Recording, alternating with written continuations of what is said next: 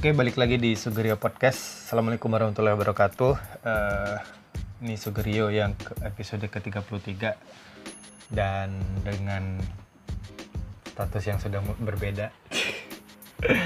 Eh, nggak tahu pendengar podcast ada yang ngikutin eh, sosmed. Eh, harusnya sih ada karena sub- eh, podcast itu di-share di Instagram @riofandi aja ininya tep- tempat nge-share-nya dan kali ini kita mau coba eh, sedikit berbeda. Di episode 33 ini ada edisi baru.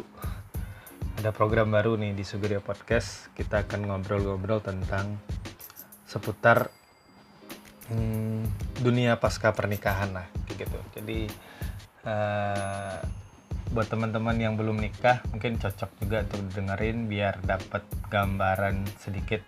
Tapi dalam hal ini kita tidak tidak apa namanya mematok ya in- ini loh yang bakalan kalian hadapin. Enggak tapi ini sekedar bercerita saja berbagi tentang apa yang kita jalani setelah menikah kayak gitu.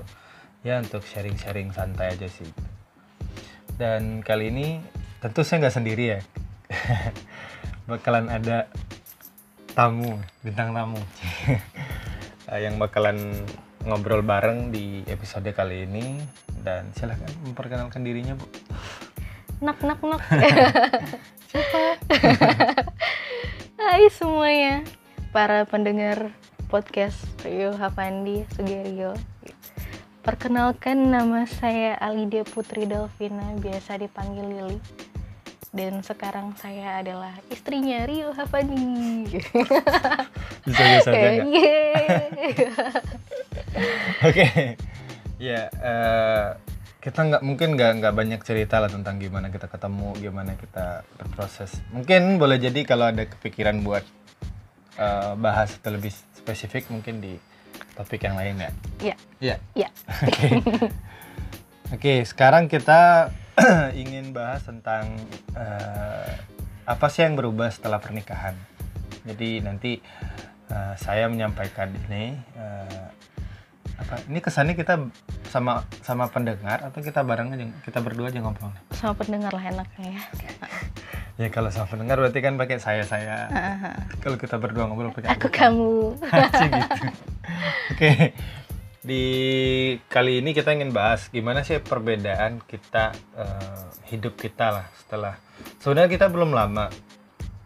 Kita nikah tanggal 5 Oktober. 5 Oktober ya? 5 Oktober. Ya pura-pura lupa dia. 5 Oktober sekarang udah mau masuk November. Sekarang tanggal 31. Berarti sekitar 26 hari. Eh iya ding, Ya ter- terhitung baru lah. tak terasa.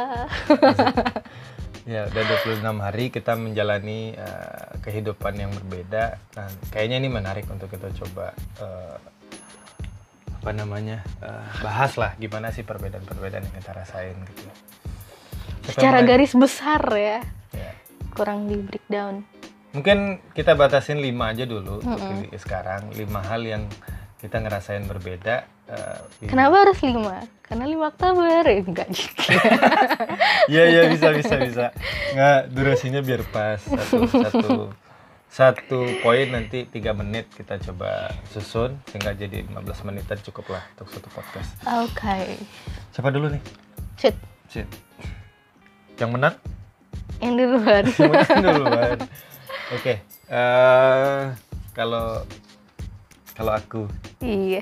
kalau aku kalau aku sebenarnya kalau gi- berbedanya memang cukup signifikan ya kalau untuk bi- dibilang poin pertama barangkali gue pengen ambil eh, sebuah eh, kalimat lah Eh, yang berbeda itu adalah cara aku ngabisin waktu dalam keseharian gitu jadi eh, ketika dulu mungkin masih sendiri sibuk dengan sendiri sendiri ya dalam artian pagi eh, bangun pagi terus ya ngurusin diri sendiri siap-siap kantor. Ke kantor tuh rajin lah jam jam jam karena dulu masih tinggal di kantor ya jadi jam 7 udah standby di kantor setengah 8 udah standby di kantor bikin eh, kalau saya dulu pernah eh, cukup rutin membuat eh, mungkin teman-teman pernah dengar morning morning pages.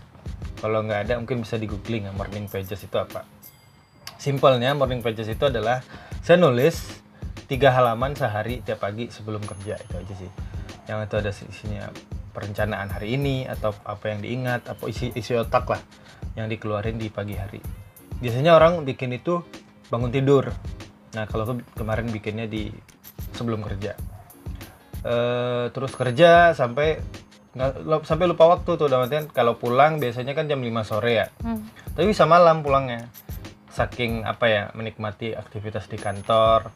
Karena nggak ada nggak ada pilihan lain untuk untuk eh, di di rumah pun ataupun di, di kos kosan misalkan ketemu sama teman-teman ya ya gitu-gitu aja. Dan enaknya emang malam kan kalau ngobrol-ngobrol bareng teman-teman ya itu aja sih seputar itu. Pagi kemudian siang kerja malam eh, bareng teman-teman ngobrol-ngobrol main games pergi ke nongkrong-nongkrong di kedai kopi. Terus ya banyak debat-debat yang nggak penting juga. Mhm. itu yang jadi jadi beda sih sekarang. Sekarang kayaknya kalau mau berdebat pertimbangkan lagi ini penting nggak sih gitu. Dulu ya apa pun bisa dibahas gitu. Hal-hal yang nggak penting pun dibahas sama teman-teman dan cukup posting time lah Hmm, tidur juga ya mungkin nanti itu tidur juga poin yang paling eh, khusus juga nanti saya ingin bahas Ya, itu sih paling Rutinitas bujang pada umumnya ya. Ha, Iya. kalau kamu gimana Kalau aku sih eh, tadi kan kata kamu kan agak signifikan kan ya bedanya. Kalau aku tuh beda, aku nggak signifikan malah. Hmm. Karena ada kebanyakan rutinitas yang aku lakuin sekarang itu juga pernah dilakuin sebelum nikah kan. Hmm. Cuman mungkin agak lebih padat. Eh, bedanya paling di rutinitasnya itu misalkan dulu tuh kalau bangun pagi ya udah bangun mandi terus beres-beres rumah kan selesai ya Hmm. kalau ada kamu itu bangun ngeliat kamu dulu nih kayak kamu kamu udah siap belum ya? Ini kalau belum siap ntar di di di apa sih dipepetin udah siap belum? Kayak gitu kan. Hmm. agak cerewet dulu pagi hari Hmm. terus nyiapin minumnya nyiapin makanannya. Ya gitu sih dan nggak terlalu berbeda sih. Cuman dulu kan aku nggak ada orang yang mau aku siapin nih. Nah sekarang ada orang yang disiapin bajunya. iya paginya. Siang. Siangnya jadi pas kamu berangkat kerja mulai tuh gosok rusuk rumah nyapu nyuci jemur kain nyetrika semuanya. Hmm. jadi eh, jadi itu agak ngalai-ngalai sih sebenarnya. Hmm. dari nyuci sampai nyetrika itu bisa kelas sampai jam 4 loh. Hmm. nyuci ngepel pokoknya kelar jam 4 cuman target aku tuh kalau aku eh, ngerjain pekerjaan rumah pokoknya kamu udah di rumah kerjanya udah selesai. Hmm. Kayak gitu jadi ada kerjaan baru yang bakal datang nanti setelah kamu datang kayak gitu kan Iya, iya, iya. ya, gitu sih Eh, ada beda sedikit cuman ter- nggak terlalu signifikan Kalau dulu emang waktu sendiri, waktu belum nikah, siangnya ngapain? dulu kerja kan Lama-lama lama. Eh, eh, kalau malam nggak ada paling main HP Hmm. nonton eh, lanjutin setrikaan yang siang hari nggak kelar kayak Hmm. gitu sekarang masih sama sih ya cuman eh, sekarang malam itu ada teman ngobrol Hmm. ada teman ngobrol terus eh, ya paling malam ngerecokin kamu itu aja sih Oke, itu itu yang pertama ya. Yang Mhm. pertama itu, eh, yang kedua kamu duluan. yang kedua itu nah kata orang kalau abis nikah itu kan gendutan ya Eh, Iya. aku sih aku sih ngerasa gendutan tapi anehnya aku ngerasa nggak makan banyak jadi yang kerja makan terus pun? ngemil, ngemil. dulu itu pola makan sedikit nggak teratur ya Hmm. eh, sesuka hati lah kalau pengen makan makan kalau enggak enggak nah sekarang itu kan ada orang yang harus kita layani makanannya setiap hari Hmm. jadi ketika dia makan kita kudu makan juga gitu jadi eh Kalau intensitas makan berarti banyakan sekarang, banyakan sekarang timbang dulu. Iya karena suka jajan kan kita dibayarin ditraktirin kan suka jajan. Iya, iya, iya. Terus eh, dulu tuh kalau makan ya makan aja gitu ambil nasi udah makan. Sekarang kalau suami belum makan kita belum makan juga kayak gitu. Bahkan kalau suami di kantor ditanya dulu udah makan atau belum. Oke. kalau dia belum makan kita nggak enak makan duluan walaupun dia nggak tahu kayak gitu sih. Sasit kan aku? ya dong. Oke, itu cukup ya. Cukup. Nah, kalau aku mungkin di juga mirip sih, tapi ini bukan spesifik Ah di makanan. niru-niru.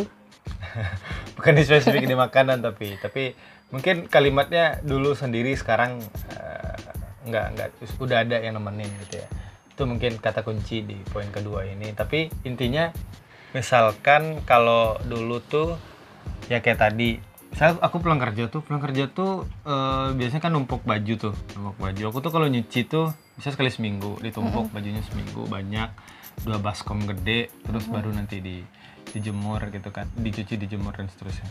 Dan biasanya nggak disetrika. Aku tuh jarang nyetrika baju. Karena biasanya apalagi baju kaos ya. Baju kaos tuh kalau udah dipakai dia udah nggak ada kusutnya tuh. Kemeja juga gitu sebenarnya.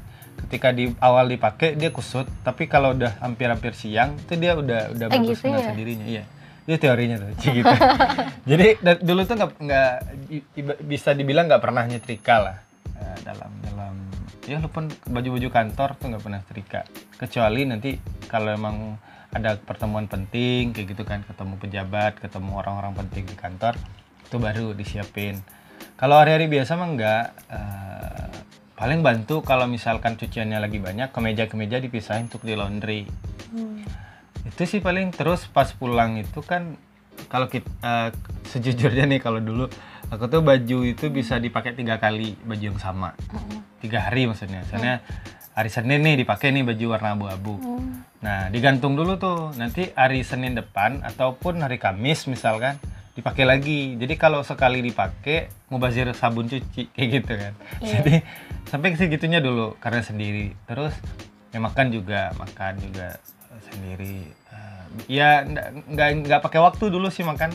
Dulu eh, kalau kepikiran makan makan. Kalau nggak mau makan ya nggak makan gitu kan. Kalau sekarang kayaknya udah ada pola ya ada template-nya. Pagi harus sarapan siang nanti juga makan terus malam nanti udah juga makan bareng gitu ya. Jadi udah ada template-nya. Dulu tuh nggak ya bahkan bisa jadi malam tuh lupa makan terus ada juga besok paginya baru kelaparan. Eh terus makan kalau iya pakaian kayak gitu juga eh kalau beres-beres mungkin karena dulu tuh ngekos bareng teman-teman rame-ramean nggak ada beres-beres sih. Ya paling kita eh, saling jaga kebersihan bareng-bareng. Apalagi ya? Eh yang yang bikin beda sendiri dan berdua paling itu ketika makan ketika beban untuk nyuci udah di share ya eh, sama pasangan terus ini paling pengen cepat-cepat pulang kantor sering juga kayak gitu kan. Karena ya udah udah. Biasanya nih kalau udah jam 5 tuh kita masih semangat tuh sampai maghrib masih di kantor. Kalau ada kerjaan dicari gitu Iya dicari kalau nggak ada kerjaan kan, Eh, karena di kantor ya banyak lah yang bisa dibuat. Sampai pulangnya udah isya, udah kayak anak-anak startup juga. Pulang malam itu enak juga kan, menikmati suasana malam pulang kantor gitu. Iya. Nah sekarang nggak ada lagi jam-jam maghrib sebelum maghrib udah di rumah gitu kan, jadi ya nggak tahu. Ini mungkin karena masih baru-baru ya. Nanti kalau di di udah kerjaan kantor ada tumpukan-tumpukan pekerjaan mungkin bisa di ya gimana siasatinya tuh belum belum ini ya. Sejauh ini sih 26 hari pertama belum ada sih baga- eh, bisa bikin pulang malam. Sekali dulu kalau nggak salah pernah ya pulang malam. Ngapain waktu itu ya waktu itu aku pernah eh, sampai maghrib Balik di dari kantor luar kota kalau nggak salah ya. Oh iya, dari Pariaman waktu itu ya. Dari Pariaman balik habis itu kalau nggak salah ini ngupload ini ngupload Oh apa? iya. IGTV, di IGTV. ini Anantakana tuh. Jadi eh, ya buat teman-teman mungkin yang pengen nonton kita ini promosi lah. Eh, bisa di Alida Delvina, Alida Delvina ya Instagramnya tuh ada. Kita bikin IGTV ya seru-seruan aja sih. Oke itu yang kedua agak panjang nih. Lanjut yang Eh ketiga. tapi kita kita kita sering sering eh, bukan debat sih. Sering eh, ngomel-ngomel kecil di saat dia suka gantungin bajunya yang udah dipakai ke Iya, gantungan baju. karena kebawa ini kan. Iya kan, aku tuh paling paling apa sih? Paling jarang gitu kalau Hmm. baju habis dipakai itu ya udah cuci aja gitu. Kalau dia itu dia punya prinsip dulu tuh baju, satu baju itu bisa dua kali pakai minimal. Iya, Eh karena minimal maksimal itu. minimal, minimal. minimal maksimal bisa empat kali, lima kali. Apalagi kayak celana ya. Celana itu bisa sekali sebulan nyuci. Karena kan nggak kotor, nggak kelihatan kotor. I- ibaratnya tuh baju cuma satu doang kan. Iya. Bajunya banyak sebenarnya yang bisa dipakai, cuma dia suka gantungin baju. Alhasil kan akunya ngomel-ngomel. Tapi sekarang alhamdulillah beliaunya sudah mengerti, udah sudah Tapi udah masih ini sadar sih, sendiri. masih menyesuaikan. Kadang kayak gini loh, misalnya pulang kerja nih ya, buka kemeja. Terus kan ada keranjang baju kotor. Mas- Masukin itu kayak sayang gitu. Eh, kayak lu lu belum sekotor itu gitu. Kayak gitu kayak ngomong sama baju kan lu belum sekotor itu. Dan lu bisa gua pakai kok minggu depan sebenarnya gitu. Biasanya digantung. Iya. karena emang kelihatan nodanya belum ada lecetnya Iya, juga belum. Iya. besok masih bisa dipakai atau minggu depan. Tapi eh, dan inget sabun juga mubazir sabun gitu kan. Karena belum kotor tapi dicuci gitu jadi itu dulu. Nah sekarang udah mulai lah ada keranjang pakaian Iya. kotor. Kalau dulu kita nggak ada keranjang kita aku ya aku nggak ada keranjang baju jadi kalau ada baju kotor digantung gantung Iya. gantung nanti kalau mau nyuci pilih yang digantung itu Iya iya ini iya. kayaknya udah enam kali nih ini udah lima kali nih baru dicuci Iya. jadi setiap yang mau dicuci pasti diambilnya dari gantungan Iya Aku benar. kalau buka lemari aku dulu waktu sebelum nikah, itu semuanya baju tuh eh, penuh tuh udah udah mepet-mepet lah, nggak bisa digantung lagi. Memang semuanya di situ. Nanti baru Habis pakai gantung, habis pakai ya, gantung. habisnya gantung gitu. kan. Nanti pas mau kerja pilih mana yang kurang-kurang eh, kurang kurang kotor lah, Oke. kurang kotor, Iya. kurang kotornya Iya, gitu ya. Nah, itu diambil. Kayak gitu dulu. Jadi eh, sekarang karena ya beban itu udah di share lah, di berbagi beban nanti. ya Berarti ini tuh males nyuci dulu ya gitu. Iyalah. Enggak, bukan nyuci. Mindsetnya lihat. Bajunya belum terlalu kotor, masih bisa dipakai. Sabunnya juga eh, mubazir. Kayak gitu. Iya Masih kan? minimalis Sekarang ya. masih masih masih mikir-mikir juga buktinya gitu. Iya, iya, Kalau males bener. nyuci, aku nggak pernah nyuci nih. Eh. Kan sejak nikah nggak pernah nyuci. Iya. Tapi kan tetap aja nggak nggak mau masukin baju ke dalam keranjang. Kalau emang alasannya males nyuci. Cara uniknya buat ingetin kan kadang kalau ada nyamuk ya. Eh aku digigit nyamuk nih, beliau ngomong kayak gitu. ya itu karena aku bilang itu karena bajunya digantung. Alhasil besoknya dia dia masukin baju ke keranjang tanpa disuruh-suruh lagi. Iya makanya jadi kayak eh ya itu simple tapi tapi cukup mempengaruhi gitu.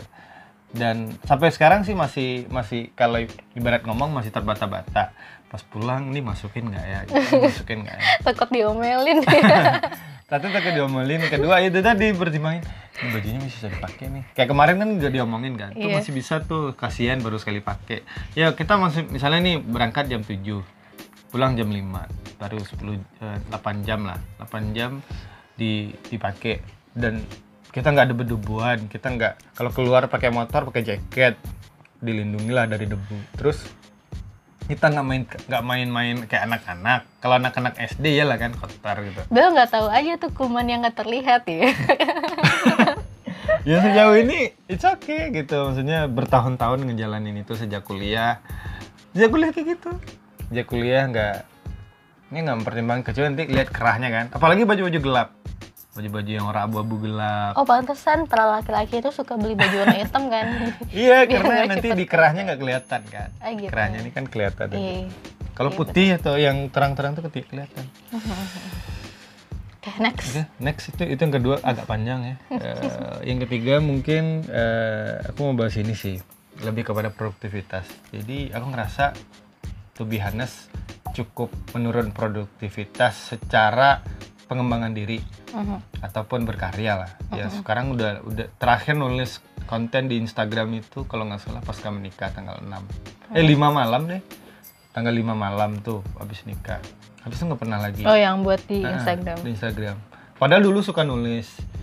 Eh, nggak tahu kenapa boleh jadi ini kalau boleh Iya terkesan klise tapi kayaknya karena memang ada hal yang lebih seru aja sih di, di, di- selain menyelami diri sendiri atau bikin-bikin sesuatu gitu.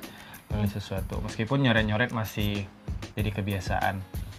Itu sih produktivitas merasa me- menurun karena itu karena eh ya apa namanya banyak hal yang lebih seru nih di luar kayak gitu. Jadi akhirnya mudah-mudahan sih dalam waktu dekat bisa balik lagi ininya semangat buat kak berkarya lah gitu. Nah dulu tuh kayak gini, misalnya nih, aku mau nulis nih. Terus kan kalau kalau apa namanya bercengkrama dengan pasangan itu kan ibadah ya, Mhm. berkarya juga ibadah. Jadi kayak ada compare dalam otak. eh, lu mau milih yang mana nih? Kalau berkarya lu lu bakalan eh, mikir berat atau apa gitu kan dapat ibadah juga. Ini eh, kalau bercengkrama dengan istri atau ngobrol atau ngapain lah itu juga berpahala gitu kan ada ibadah juga. Tapi tapi seneng gitu bikin eh, hati eh, bahagia misalnya gitu kan. Jadi kan pilihannya siapa pun pasti milih yang ini kan. Mhm. kayak gitu siapa pun pasti milih yang yang yang kedua gitu ketika ada pilihan yang pertama kayak kita pusing-pusing tapi emang enak. Eh, maksudnya pengen pengen bikin sesuatu di sisi lain. Ini ada yang bikin kita eh, senang-senang dan ininya sama gitu kan. Yang kita tuju sama kayak gitu. Yang itu kita pengen beribadah misalnya. Ya tentu secara secara nalar pasti kita pilih yang kedua.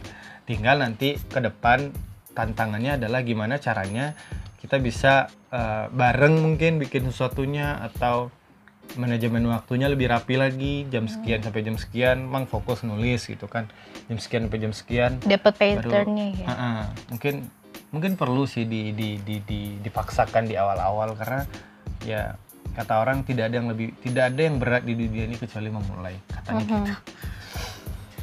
Ya itu mungkin yang ketiga produktivitas menurun. yang ketiga kalau aku tuh ini jangan jangan jangan sewot ya Apa? Eh, sedikit terbatas dalam melakukan aktivitas Hmm. sebelum menikah misalnya hangout sama teman-teman Iya. pergi makan gitu kan dulu kan waktu nikah itu kalau nggak ada teman pun bisa pergi makan sendiri gitu kalau ada Hmm. duit gitu kan ya nah sekarang mau ke mana-mana keluar pagar aja tuh terus minta izin dulu tuh Iya, iya. bukan karena terpaksa memang pengen aja gitu minta Hmm. izin gitu iya. Padahal diizinin tuh. ada diizinin ya nggak nggak bisa ke mana-mana juga Hmm. karena eh, kita nggak punya kendaraan di sini rumah jauh dari dari pusat kota jadi kita nggak bisa ke mana-mana dan juga mungkin teman-teman pada ngerti juga ya semenjak menikah nggak ada yang nyapa entah kita yang sombong atau teman kita yang sombong kita nggak tahu ya Iya. nggak ada yang nyapa nggak ada yang ngerecokin lagi kayak gitu jadi Mm.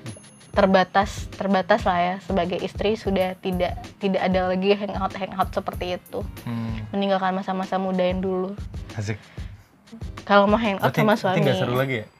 seru ada gantinya sama suami. Jadi kalau kalau suami kalau kalau mukanya udah bete tuh di rumah paling suami ngajak keluar kayak gitu. Enggak, enggak pernah ngelihat kalau kalau nggak ngajak aku yang ngajak gitu kan. Eh ada film baru nih di CGV ada film baru nih di FX1 gitu kan. Walaupun nggak semuanya dipenuhin kayak gitu kan. Oke, tapi it's so keren lah. Keren. maksudnya eh ya nggak masalah sih ya nggak nggak hangout nggak mati pun kayak gitu Hmm. nggak ngerasa terbebani ketika ada pembatasan-pembatasan yang di, dirasakan Mungkin setelah kan ada ada ada yang lebih, maksudnya bukan kalaupun lebih ada yang sama sarunya mungkin. Iya, gitu ya. Jadi nggak terlalu jadi beban. Ha-ha, bener, gitu. Oke, lanjut aja yang keempat. Yang keempat adalah, nah ini nih, nih yang berasa gitu setelah jadi istri tuh HP nggak ada fungsinya gitu. Oke. Jadi eh, dulu tuh pas sebelum menikah itu teman-teman banyak yang ngechat gitu kan, banyak grup lah gitu, riuh lah grupnya gitu Mm. ya kan.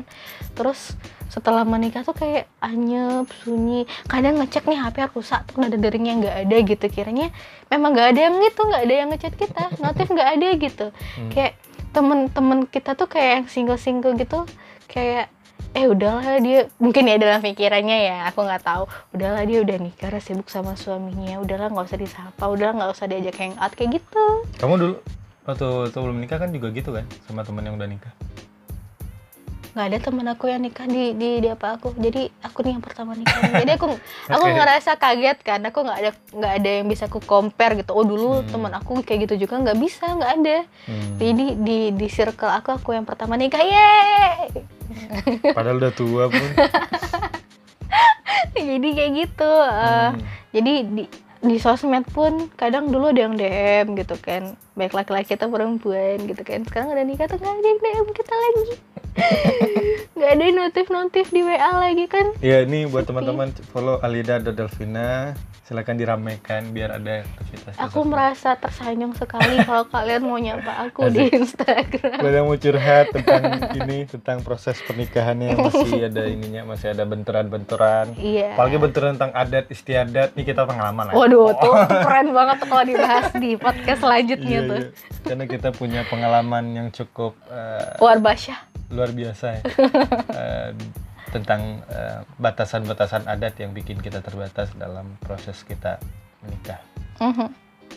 Oke, oke udah. next Oke, next. keempat aku sih ini eh poinnya sih tidur ya dalam artian dulu tuh kalau masih bujang dulu sebelum nikah eh, tidur itu kayak buang-buang waktu gitu jadi misalkan jam 9 nih jam 9 pasti ngerjain masih ada yang dikerjain atau ngobrol atau bahkan nongkrong di warung kopi pun nggak apa-apa gitu yang penting nggak tidur gitu tidur ya di atas jam 12 kalau bisa Mm. Kenapa? Kayak ngerasa jam 9 tidur, bangun jam 5 subuh misalkan.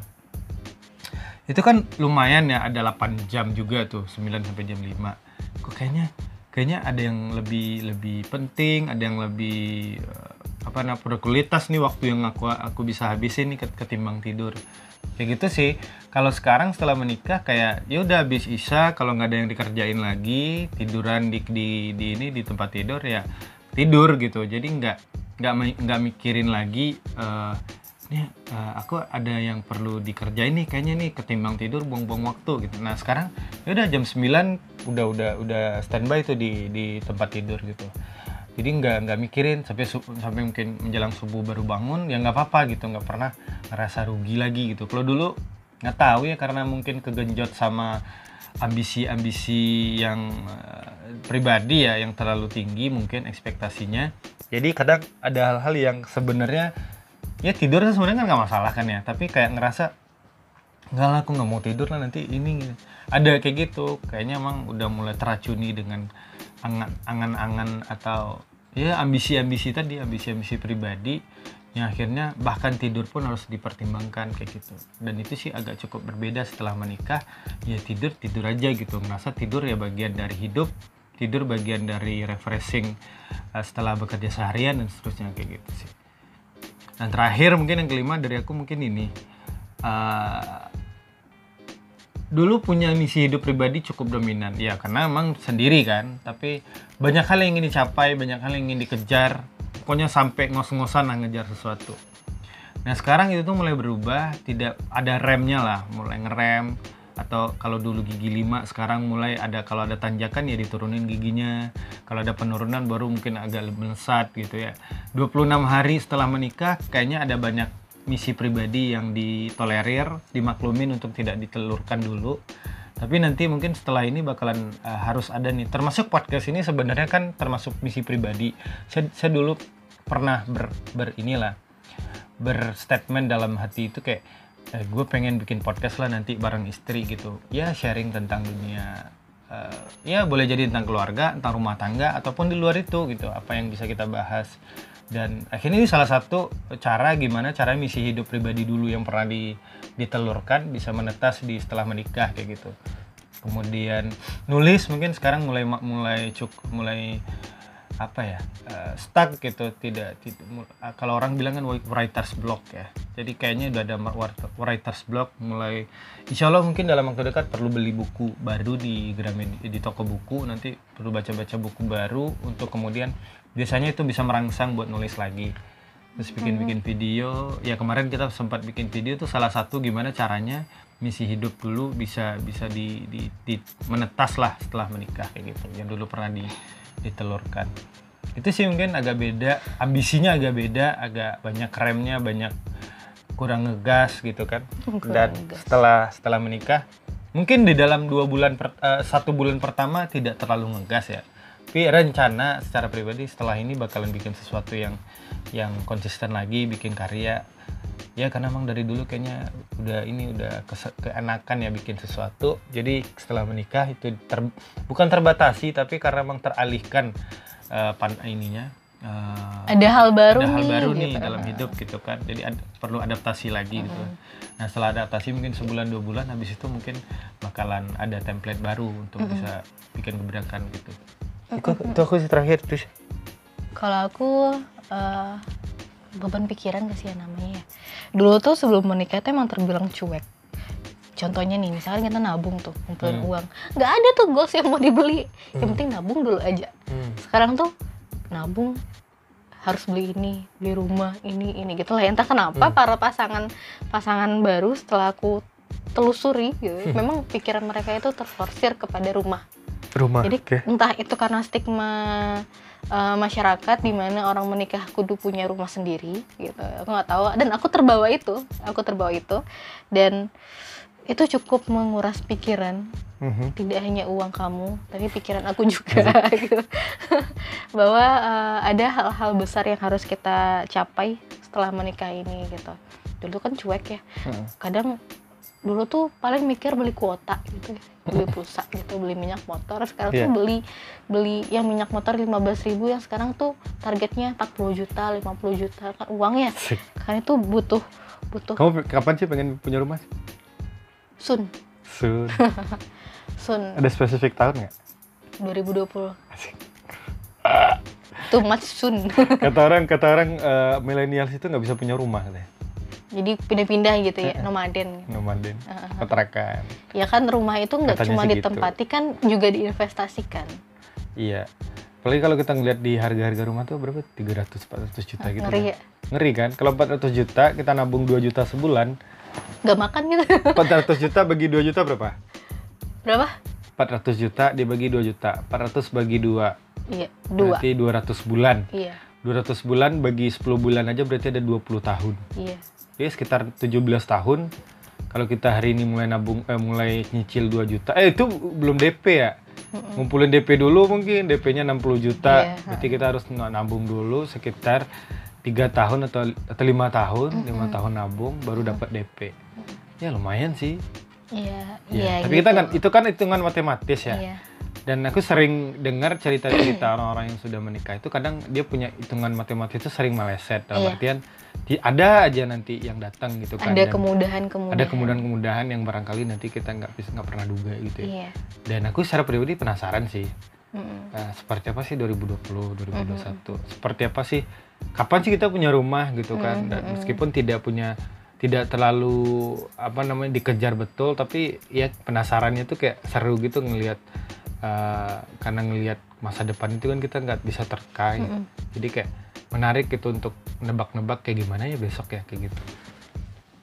Itu sih. iya gitulah Itu aja. Yep. Ada lagi yang mau di, dibagiin, Hmm, yang mau dibilang, ada sampaikan? ada di podcast selanjutnya aja Asik.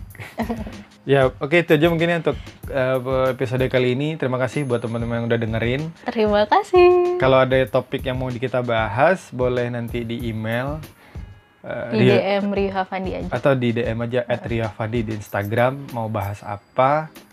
Kalau mau cerita sih aku sih sebenarnya lebih eh, ini lebih prefer ketika ada teman-teman mau cerita. Mau cerita misalkan cerita tentang keluarganya, cerita dia sebagai seorang anak, Mhm, cerita tentang orang tuanya mungkin membatasi dia dalam berkarir. mhm. Aku ngerasain sih betapa dulu milih jurusan ditentuin oleh orang tua, Iya. milih kerjaan ditentuin oleh orang tua. Mm-mm. Kayaknya cerita-cerita kayak gitu perlu teman-teman bagiin nanti kita coba bahas di podcast. siapa tahu kita punya kasus yang sama Iya gitu, meskipun kita nggak bakalan ngasih solusi yang konkret atau dalam artian solusi yang jitu buat nyelesain masalah teman-teman, tapi kayaknya untuk berbagi biar ada interaksi nih kita bareng-bareng pendengar, ya ikut kontribusi lah mau cerita apa kayak gitu. Tuh mau kirim-kirim salam. iya radio kali radio zaman dulu. Oke, itu aja mungkin terima kasih buat teman-teman yang dengerin. Jangan lupa di-share ke cara nge-share-nya tuh kalau kalian dengerin di Spotify itu ada share di Instagram Stories. Tapi kalau kalian nggak nggak ngerti caranya, lagi dengerin ini buka apps-nya, screenshot, kemudian share di Insta Stories-nya, kemudian tag nanti Ria Fandi ataupun Alida.delvina. Oke? Oke, Oke, itu aja. selamat beraktivitas. Jangan lupa sarapan, jangan sakit-sakit. Karena pura-pura bahagia itu Berat. Oke, terima kasih. Wabillahi taufiq hidayah. Assalamualaikum, Assalamualaikum warahmatullahi wabarakatuh. Bye bye.